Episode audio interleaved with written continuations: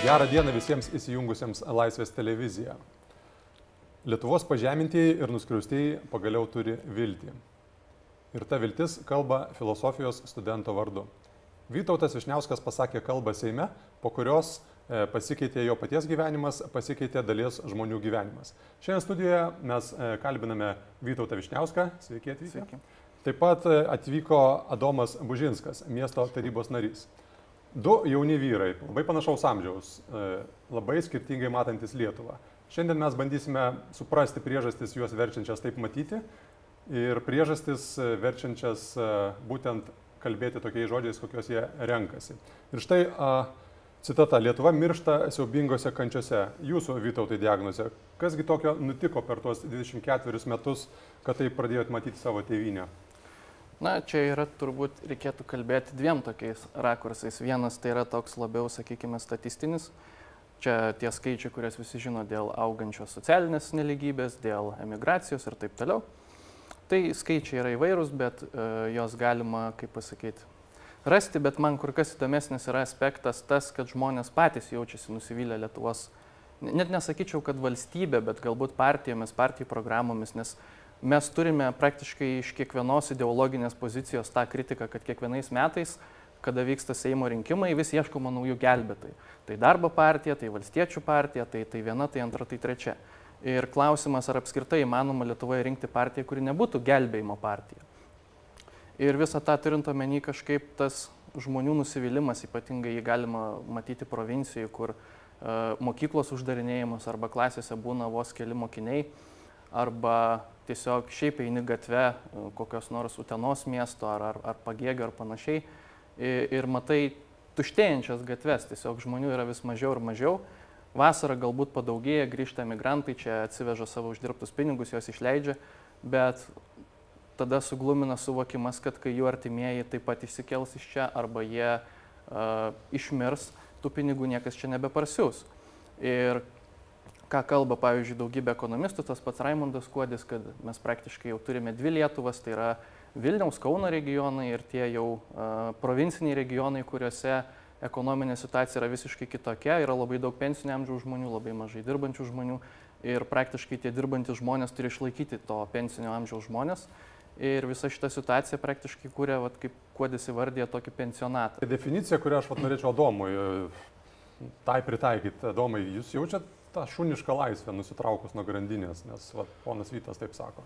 Na, aš gal šiek tiek bevažiuodamas į laidą perskaičiau gerbiamo prelegento straipsnį, tai norėčiau šiek tiek vat, referuoti tą vaizdinį, nes iš principo dabar aš turėčiau išeiti į kiemą, į palaidos ir tokį Walking Dead scenarijų matyti, tokius suzombėjusius, prasigėrusius žmonės, kurie žudosi ir tie, kurie neprasigėrė dar iki galo kraunasi lagaminus, kad emigruotų. Tai, nu, tai yra, nėra tikrovės atitinkantis scenarius ir aš išėjęs į kiemą pamatysiu visiškai kitokią Lietuvą. Aš pamatysiu sėkmingą vakarų, vakarų kaip sakant, pasaulio valstybę, kuri 30 metų žengia į priekį, yra jauna demokratija, taip jinai turi savo problemų, taip jinai turi naujų galimybių, kurios kuria naujas rizikas ir ir naujas problemas, bet e, mes e, žinom tas problemas ir aš esu įsitikinęs, kad mes tas problemas suvaldysime. Tai e, tiesiog jeigu yra kažkokių klausimų ir dėl mūsų pasirinktos, Lietuvos pasirinktos strateginės vizijos, vakarų krypties, galima nuvažiuoti į Baltarusiją ir, kaip sakant, papramogauti su tai žmonėm, kuriems vienintelė likusi pramoga yra su Stevenu Sygalu suvalgyti morką. O jūs buvote Baltarusijoje? Tai, esu buvęs vieną kartą. Tai. Kaip ten įspūdis?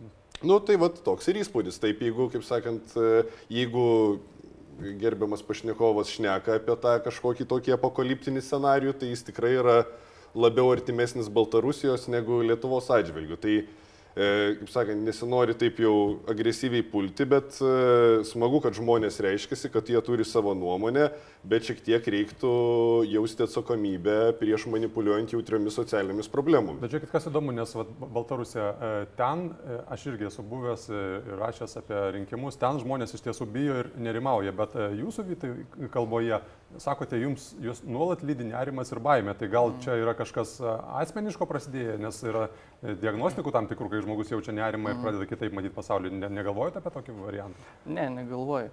Tai kaip pasakyti, kai kalbame, kaip minėjau, apie tos didžiosius regionus, be abejo, kad jie yra sėkmingi, jie yra normalūs vakarietiški miestai, nieko neprastesni, galbūt tik tais dydžių mažesni už Paryžių ar kitus. Bet pavyzdžiui, kai mes kalbame apie Gini indeksą, pagal kurį socialinė atskirtis ES Lietuva pagal socialinę atskirtį yra antra pagal greitį, tik tais Bulgarija pralenkė, o Lietuvoje labiausiai didėja socialinė atskirtis. Tie skaičiai šokiruojantis, kad praktiškai 30 su trupučiu procentų žmonių gyvena arti skurdo ribos, daugiau kaip 20 procentų jau žemiau skurdo ribos gyvena. Tie skaičiai virš 600 tūkstančių Lietuvos gyventojai. Tai tokius dalykus matant tos sėkmės istorijos, na taip, mes matome jas per televiziją. Aišku, kad niekas nenori ginčyti su to, kad dabar yra daug daugiau laisvės ir taip toliau, kad dabar yra nepalyginamai geriau negu buvo sovietmečių, kad Lietuva yra nepalyginamai geriau negu yra toje pačioje Baltarusijoje ir taip toliau. Bet vis dėlto situacija regionuose labai stipriai neramina ir man atrodo, kad vienas iš dalykų, kurie, kuris labiausiai nuvilia žmonės, yra ne tiek prasta situacija, kiek dėl tos auga didėjančios socialinės atskirties, tų sėkmės pavyzdžių eskalavimas per, vis, per, per visas praktiškai televizijas, per visas internetinės platformas, kurie verčia manyti, kad Lietuvoje viskas yra tiesiog puiku, nuostabu ir visų šitų problemų nėra. Bet žmonės, kurie gyvena kasdieną tose problemose, jie iš tikrųjų asmeninių lygmenių tikrai jaučiasi negeriau negu Baltarusijoje, ar gal dar ir blogiau. Adomai, ką Jūs manote apie gyvenimą provincijoje? Ne, tai aš manau, kad e, galima labai lengvai tais skaičiais manipuliuoti. Galim pasimti BVP, kiek yra gyventojų išaugęs, galim pažiūrėti, kiek, e, kiek, kaip sakant, yra sustiprėjusios Lietuvos institucijos. Taip, gyvenimas regionuose ir miestuose skiriasi, bet yra visa pasaulinė tendencija, kur žmonės keliasi į miestus. Kaip sakant, regionai tuštėja ne tik Lietuvoje. Ačiū Dievui, kad žmonės gali išvažiuoti, turi laisvę pasirinkti ir, e, ir kaip sakant, paskui gali nuspręsti grįžti. Tai man atrodo, kad ko aš pasigendu visų šitų problemų socialinio eskalavime ir kodėl aš manau, kad tai yra labai neatsakinga. Taip reikia kelti problemas, bet visų pirma reikia pradėti nuo savęs. Ką tu pats padarėjai, kad tas problemos įsispręstų. Kaip sakant, sakot, kad Lietuvos gynybos sistema yra silpna. Prisijung prie Lietuvos kariuomenės. Pats kaip jaunas žmogus gali tai padaryti. Matai problemas viešajam valdyme kaip sakant, į valstybės tarnybą neteina žmonės, nes e, trūksta darbuotojų. Laikykis egzaminą iki konkursus. Aš žinau, kad labai trūksta darbuotojų. Tai e, taip gerai yra iškelti problemą, bet ką tu siūlai? Ką tu siūlai, kad tą problemą spręsti? Nes labai neatsakingai tai atrodo, kai vakaro žinios Respublika tams tą patį cituoja ir e, aš jau tada susirūpinčiau labai, labai rimtai, kur veda mano šitos iškeltos problemos eskalavimas. Nes e, iš, kaip sakant, e, atsakingai besimokančio ir kažkokį savo ideologinį pagrindą ginančio vaikino gali tapti, kaip sakant, naudingų idiotų mūsų, mūsų kaimyniai, kuri tave kaip propagandos įrankį panaudos. Tai turbūt teko girdėti šitos dalykus, kad tampi pats jau e, išnaudojimas, nes tiesiog yra su, žmonių su didesnė patirtimi, matančių idealizmą jaunatvišką ir išnaudojančio, manipuliuojant labai subtiliai. Niekas neįspėjo apie tai, kad tai gali nutikti. Ne, tai be abejo įspėjo, aš net nebejoju, kad yra žmonių, kurie bando to pasinaudoti. E, mano šitų įvairių pasisakymų, pavyzdžiui, e, kom komentaruose tikrai pasitaiko žmonių, kurie yra nusivylę ne tiek, sakykime, kažkokiam partijom atskirais dalykais, bet pačia Lietuvos valstybė kaip tokia ir norėtų, sakykime, kad ateitų kažkoks didesnis draugas, kuris ją paimtų. Tai be abejo, tokių Labai žmonių. čia yra planytė linija tarp šito.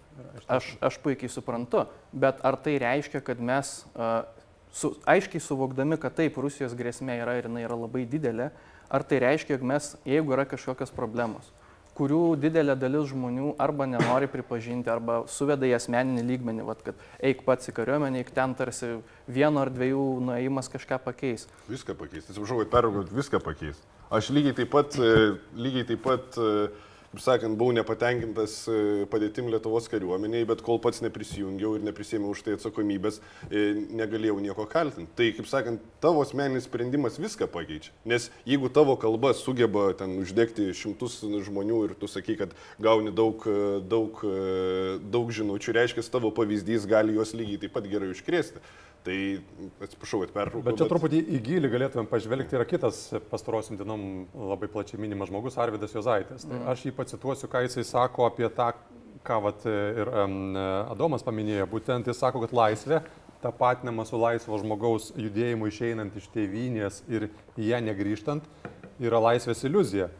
Bet tada vėlgi apie save reikėtų paklausti. Jūsų brolis, 8 metai gyvenantis Junktinėje karalystėje ir negrįžtantis, tai jis yra vergas pagal šitą koncepciją? Ne, kaip pasakyti, aš manau, kad Arvidas Jozaitis čia neturėjo menyje, kad žmogus, kuris gyvendamas prastom sąlygom pasirenka vis dėlto neišvykti, kad jis yra kažkuria prasme laisvesnis. Ne, šitos minties potekstė yra labai aiški ir jinai yra tokia, kad žmonės, kurie yra, kaip sakyti, nu, aš tokį pavyzdį duočiau, kad Vaikas, kuris pabėga iš namų dėl to, kad jo prasigėrė tėvai smurtauja vienas prieš kitą, jis taip pat yra laisvas, jis bėga iš laisvės.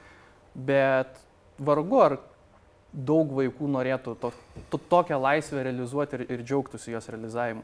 Tai aš manau, kad Jozaitis turi lygiai tą patį omenyje, kad žmonės, kurie yra priversti važiuoti iš Lietuvos, jie nesijaučia laisvi savo valstybėje. Nes tam, kad tu, nu, kaip pasakyti, tam, kad tu jaustumėsi laisvas, tu mažų mažiausiai turi sugebėti minimalius savo kažkokius poreikius patenkinti. O jeigu tu esi priverstas dirbti nuo ryto iki vakaro ir tavo laisvalaikis yra skiriamas tik tam, kad atsigautum, jo galėtum vėl į darbą grįžti, nu, tai tu praktiškai neturi gyvenimo. Bet gal čia žmonių laisvas pasirinkimas globalios Lietuvos, pakalbėkime, kas yra ta mhm. globali Lietuva, iš kur jūs čia dabar tavo tokia pasigavę visi idėja, kad ją reikia sukalti ir, ir padaryti lokalią Lietuvą, nu, nes prieš globalumą tik lokalumu galima kovoti. Taip, nu, kaip pasakyti, globali Lietuva iš esmės yra požiūris, įsitikinimas, kad lietuvis, kad ir kur be gyventų, jis iš esmės gyvena tam tikrą prasme Lietuvoje, nes jis kaip lietuvis nešasi tą Lietuvą su savimi. Ir vis, visas šitas tinklas įvairių diasporų, įsiskirčius įvairiose valstybėse, kažkuria prasme palaiko tokią tarsi virtualią Lietuvą, globalią Lietuvą.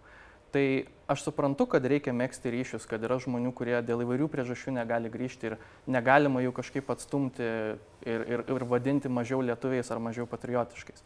Bet vis dėlto pats globalios Lietuvos projektas turi tokią užslėptą mintį, kuri labai aiškiai eina į galvą žmonėms, kad tai, jog jie išvyksta ir tai, jog būtent tame žemės lopinėlėje, kuris administracinė prasme vadinamas Lietuva, kad nieko tokio, kad čia mažėja žmonių.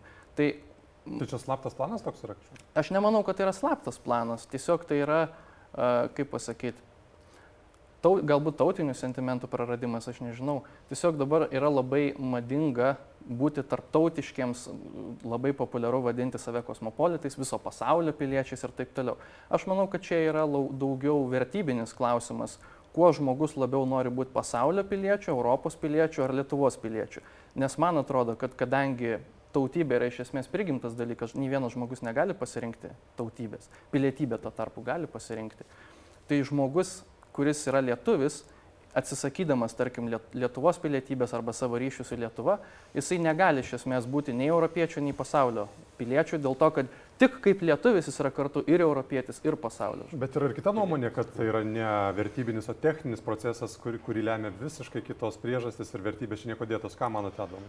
Ne, tai aš manau, kad, kaip sakant, tikrai jau, ko jau ko, bet Lietuvos sąjūdžio idėja nebuvo užsidaryti tėvynę savyje ir, kaip sakant, patiems tenais, nežiūrint į kitą pasaulį, e, gyventi savo ramiai regionuose, niekur neišvažiuojant. Aš, e, kaip sakant, e, tikrai nesutinku su ta globalios e, Lietuvos jūsų piešima perspektyva, kad kažkur išvažiavęs ir save ma matydamas kaip ir lietuvių ir europietį, tu kažkiek būsi mažiau lietuvių. Visai nesenai man teko būti lietuvių namuose e, Filadelfijoje ir Baltimorėje. Tai aš turiu omeny, kad visą gyvenimą žmonės Amerikoje pragyvenę tiek savyje turi to tautiškumo, tiek meilės Lietuvai, kad, kaip sakant, dar visiems mums e, reikėtų iš jų pasimokyti. Tai man atrodo, tas e, sugrėsminimas globalaus pasaulio, Europos, tų, kaip sakant, galimybių, kurias e, mums e, atveria tas didesnis pasaulis, yra šiek tiek toks, nu, nenoriu žaisti, bet, nu, tamsaus žmogaus požiūris iš tos pusės, kad, nu, jis bijo visų galimybių atsiveriančių, nes galvoja, kad tai yra rizika. Taip yra rizika, kad atsidarius sienos daug žmonių, kaip sakant, emigravo, mažėja, mažėja mūsų populiacija. Bet mes esam, kaip sakant, pakankamai e, pakankamai išsilavinusi tvirta vakarų valstybė, kuri sugebės, jeigu kol kas nerado priemonių, kaip stabdyti tą emigraciją ir, ir susigražinti tos piliečius, jinai tikrai ras. Kažkodėl Airija, kur buvo irgi masinė emigracija, sugebėjo padaryti taip, kad masiškai dabar pas juos atvažiuoja žmonės. Tai, tai kaip sakant, man atrodo, kad ačiū Dievui, kad Lietuva įsilaisvino iš tų sovietinių parazitų, ačiū Dievui, kad niekas nesuabejojo, e, e, kaip sakant, Lietuvos europinė ir vakarų kryptim. Ir ačiū Dievui, kad tokie žmonės kaip Jozaitis, kuris e, galvojo, kad Brazauskas būtų daug geresnis sąjūdžio lyderis už profesorių Landsbergį, buvo toli nustumti į politinės paraštės. Štai, Vytautai, jūs studijuojate filosofiją, o jūs ką tik pavadinote tamsos šaukliu, kaip jūs e, jaučiatės? Tai dėl tamsos, šau, dėl tamsos šaukliu be abejo nesutinku, bet šiaip jau beveik viskam, ką kolega pasakė, aš pritariu. Tas taut... Tai kurgi tada tas nepritarimas, nes kalba buvo daug aštresnė, negu jūs dabar kalbate. Taip, niekas nekalba ir nieka... iš tų žmonių, kurie kalba, kad emigracija yra blogis ar kad ta laisvė yra tik laisvės iliuzija, niekada neturi omeny, kad dabar reikėtų tos žmonės kažkaip prievartą stabdyti, uždaryti sienas, vadinti juos nepatriotiškais, jeigu važiuoja. Niekas niekada apie tai nekalbėjo, nekalba ir nekalbės. Esmė yra ta, kad taip, žmonės gavo laisvę emigruoti, bet emigracijos mastai yra tokie, kad yra faktiškai akivaizdu, jog žmonės važiuoja ne dėl to, kad yra laisvi, o dėl to, kad kitaip negali yra priversti išvažiuoti. Įvardykite tris esminius dalykus, kurie vat, stumia žmonės lauk. Nes man atrodo, kad tai yra tik vienas. Gal jūs daugiau žinote? O koks tas vienas? Na tai jūs pasakykite pirmas, o mes tada reaguosime. Na tai vienas dalykas yra mano minėta socialinė atskirtis.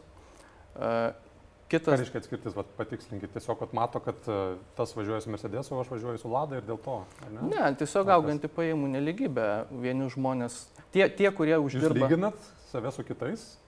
Kodėl svarstot, nu, tai neligybė, nu, tai kaip, aš tai sakyčiau turbūt, kad išvyksta dėl to, kad e, ten moka daugiau, o čia mažiau. Viskas. Mm. Labai paprasta, jokių vertybių, jokių išdavyščių visai. Tai yra viena iš priežasčių, bet žmogus, kuris, kaip pasakyti, jeigu žmogus galėtų pakankamai normaliai pragyventi, net ir gaudamas mažesnį atlyginimą negu užsienio valstybei, dažnas žmogus pasirinktų likti savo šalyje. Dėl Bet... to, kad kalbėti su savo šalies piliečiais savo kalba, savo krašte, kur tu auga ir taip toliau, tai savaime morališkai atsiperka ir žmogui nebūtinai reikia uždirbti ten labai daug pinigų, kad jis jaustųsi laimingas. Jis daug laimingesnis jausis savo gimtajam krašte, jeigu galės normaliai tiesiog užsidirbti pragyvenimui. Bet kadangi, kaip pasakyti, uh, jis praktiškai negali savo net to minimalaus gyvenimo užsitikrinti. Bet visur nes... kabos skelbimai ieško darbuotojų. E, kaimuose, miesteliuose neranda jau atleisti visi dėl gerimo arba net darbštumo antrą kartą priimami. Ar nėra čia laisvė pasirinkimo įgyvendinta jau maksimaliai, kada žmonės renkasi būti išlaikomi iš pašalpos? Jūs nes, nesvarstėt tokios galimybės? Be abejo, yra labai daug ir tokių žmonių ir šitą problemą taip pat reikia spręsti. Bet jūs jos Bet... net nepaminėjote iš kalbos, kad pati Lietuva, turėdama laisvę rinktis bet kokius kelius, vis vieni renkasi vieną, kiti kitą. Ir man neramu, kad jūs, būdamas jaunas, talentingas žmogus, renkatės truputį tokį e, nu, revoliucinį kelią, bet dar neaišku, kur link vedantį. Jūs save apibūdinate kaip kraštutinės dešiniosios atstovu, ar ne? Kuris buvo lik ir liberalus, o dabar liberalizmą matote kaip e, blogį. Tai kas vis dėlto yra čia per pažiūros jūsų tada? Mm, kaip pasakyti? Aš tiesiog matau, kad Lietuvoje žmonės, e, kurie priima šituos sprendimus, e, prasigerti ir taip toliau, kad tai, kaip pasakyti, įdomu, kodėl kitose posovietinėse šalise šitos problemos, kurios taip pat yra labai gilios, nėra tiek gilios, kiek Lietuvoje. Aš nemanau, kad tai yra susiję su vien tik asmeninė apsisprendimu. Daugybė žmonių buvo apleisti ir palikti vieni. Na, pavyzdžiui, girdime tą dažnai klišę, kuri, kurią žmonės jaučiantis, sakykime, nostalgiją sovietmečių ir kritikuojantis ar sąjūdį, ar konservatorius sako, va, Landsbergis sugriovė kolokius, dėl to dabar yra blogai gyventi. Tai ką mes darom su šitais žmonėmis? Vietoj to, kad kažkaip bandytume juos patraukti savo pusę, paaiškinti, kad kolūkiai buvo blogai ir panašiai. Mes tiesiog pavadinam juos runkeliai, sakom, kad jie nost, jaučia nostalgiją sovietmečių ir maždaug tegu jie ten savo pūna.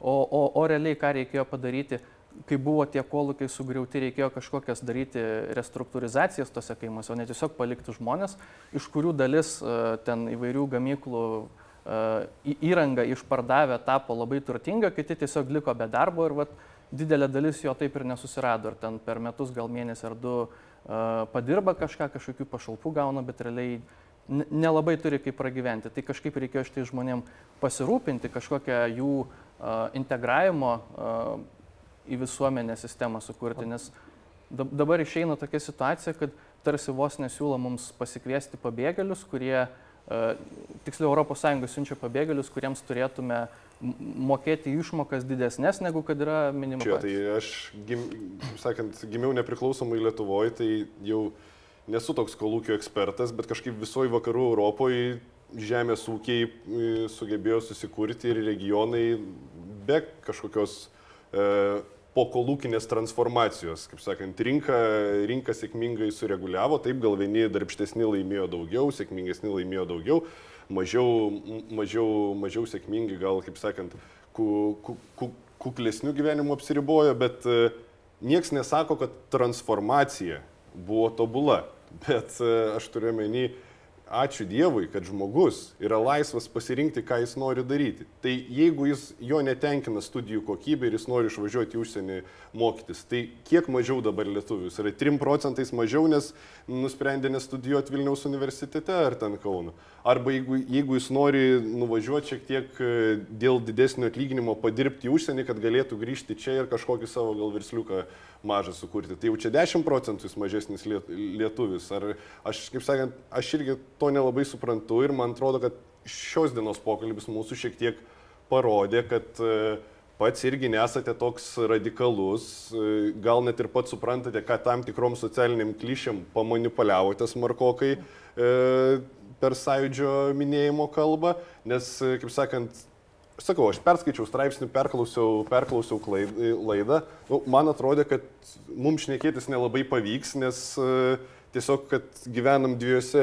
planetose skirtingose. O dabar kaip atrodo? Taip, dabar atrodo, kad uh, taip skiriasi mūsų pažiūros, bet uh, tamsta tam tikras socialinės problemas suvokėte daug blaiviau negu pagarsinės, pagarsinės tom šiek tiek tokiom klišiam e, iš tribūnos. Ir tai parodo, kad nu, nebuvo atsakinga tos žmonės, kurie tikrai yra įsiskaudinę. Žmonėm yra pikta, pikta dėl korupcijos, žmonėm yra pikta, kad E, kad jie sąžiningai dirba, bet mato, kad ten koks nors e, žmogus krapštantis nosį ir turintis daugiau pažinčių važinėja su nauja mašina, nors tarkim jiems jų atlyginimai tokie patys. Bet Vytas dabar kitaip nebegali, nes jisai tarsi jau nuviltų tos žmonės, nes jiems čia yra balzamas ant širdžių, ar ne? Tai, kaip sakant, metas prisimti atsakomybę ir, ir tada žmonėms, kaip ir sakė, reikia jiems aiškinti, kodėl kolūkiai buvo blogai. Tai reikia pradėti jiems aiškinti, kad, nu, kaip sakant, kas antras žmogus Lietuvoje nėra nusižudęs ir dar prieš tai spėjęs prasigerti ir paskui dar po savižudybės emigravęs. Gerai, aš turiu vieną momentą, kuris tikrai jūs turbūt nerasite bendros kalbos, nors čia jau linkia taikytis. E, vėlgi iš kalbos labai aiškiai prieš pastatote verslą tautai ir valstybei. E, tai kas yra tas verslas čia? Nes ten yra keletas citatų, kad dirbti ne verslui kažkokiam, bet valstybei. E, jūs iš tiesų manote, kad verslas yra kažkoks e, blogis e, Lietuvoje? Oi, ne. Tai tas supriešinimas, kaip pasakyti, čia yra per didelė generalizacija, ką jūs pateikėte. Aš turėjau omenyje, kad, na, nu, kad ir dabar naujausių skandalų fone, kur praktiškai liberalų partiją galima jau vadinti MG Baltic partija, konservatorių partijos labai daug visokių irgi ten neiškumų yra, aišku, negalima taip kalbėti apie ją taip kaip apie liberalų partiją, bet taip pat ten yra labai daug įvairių problemų.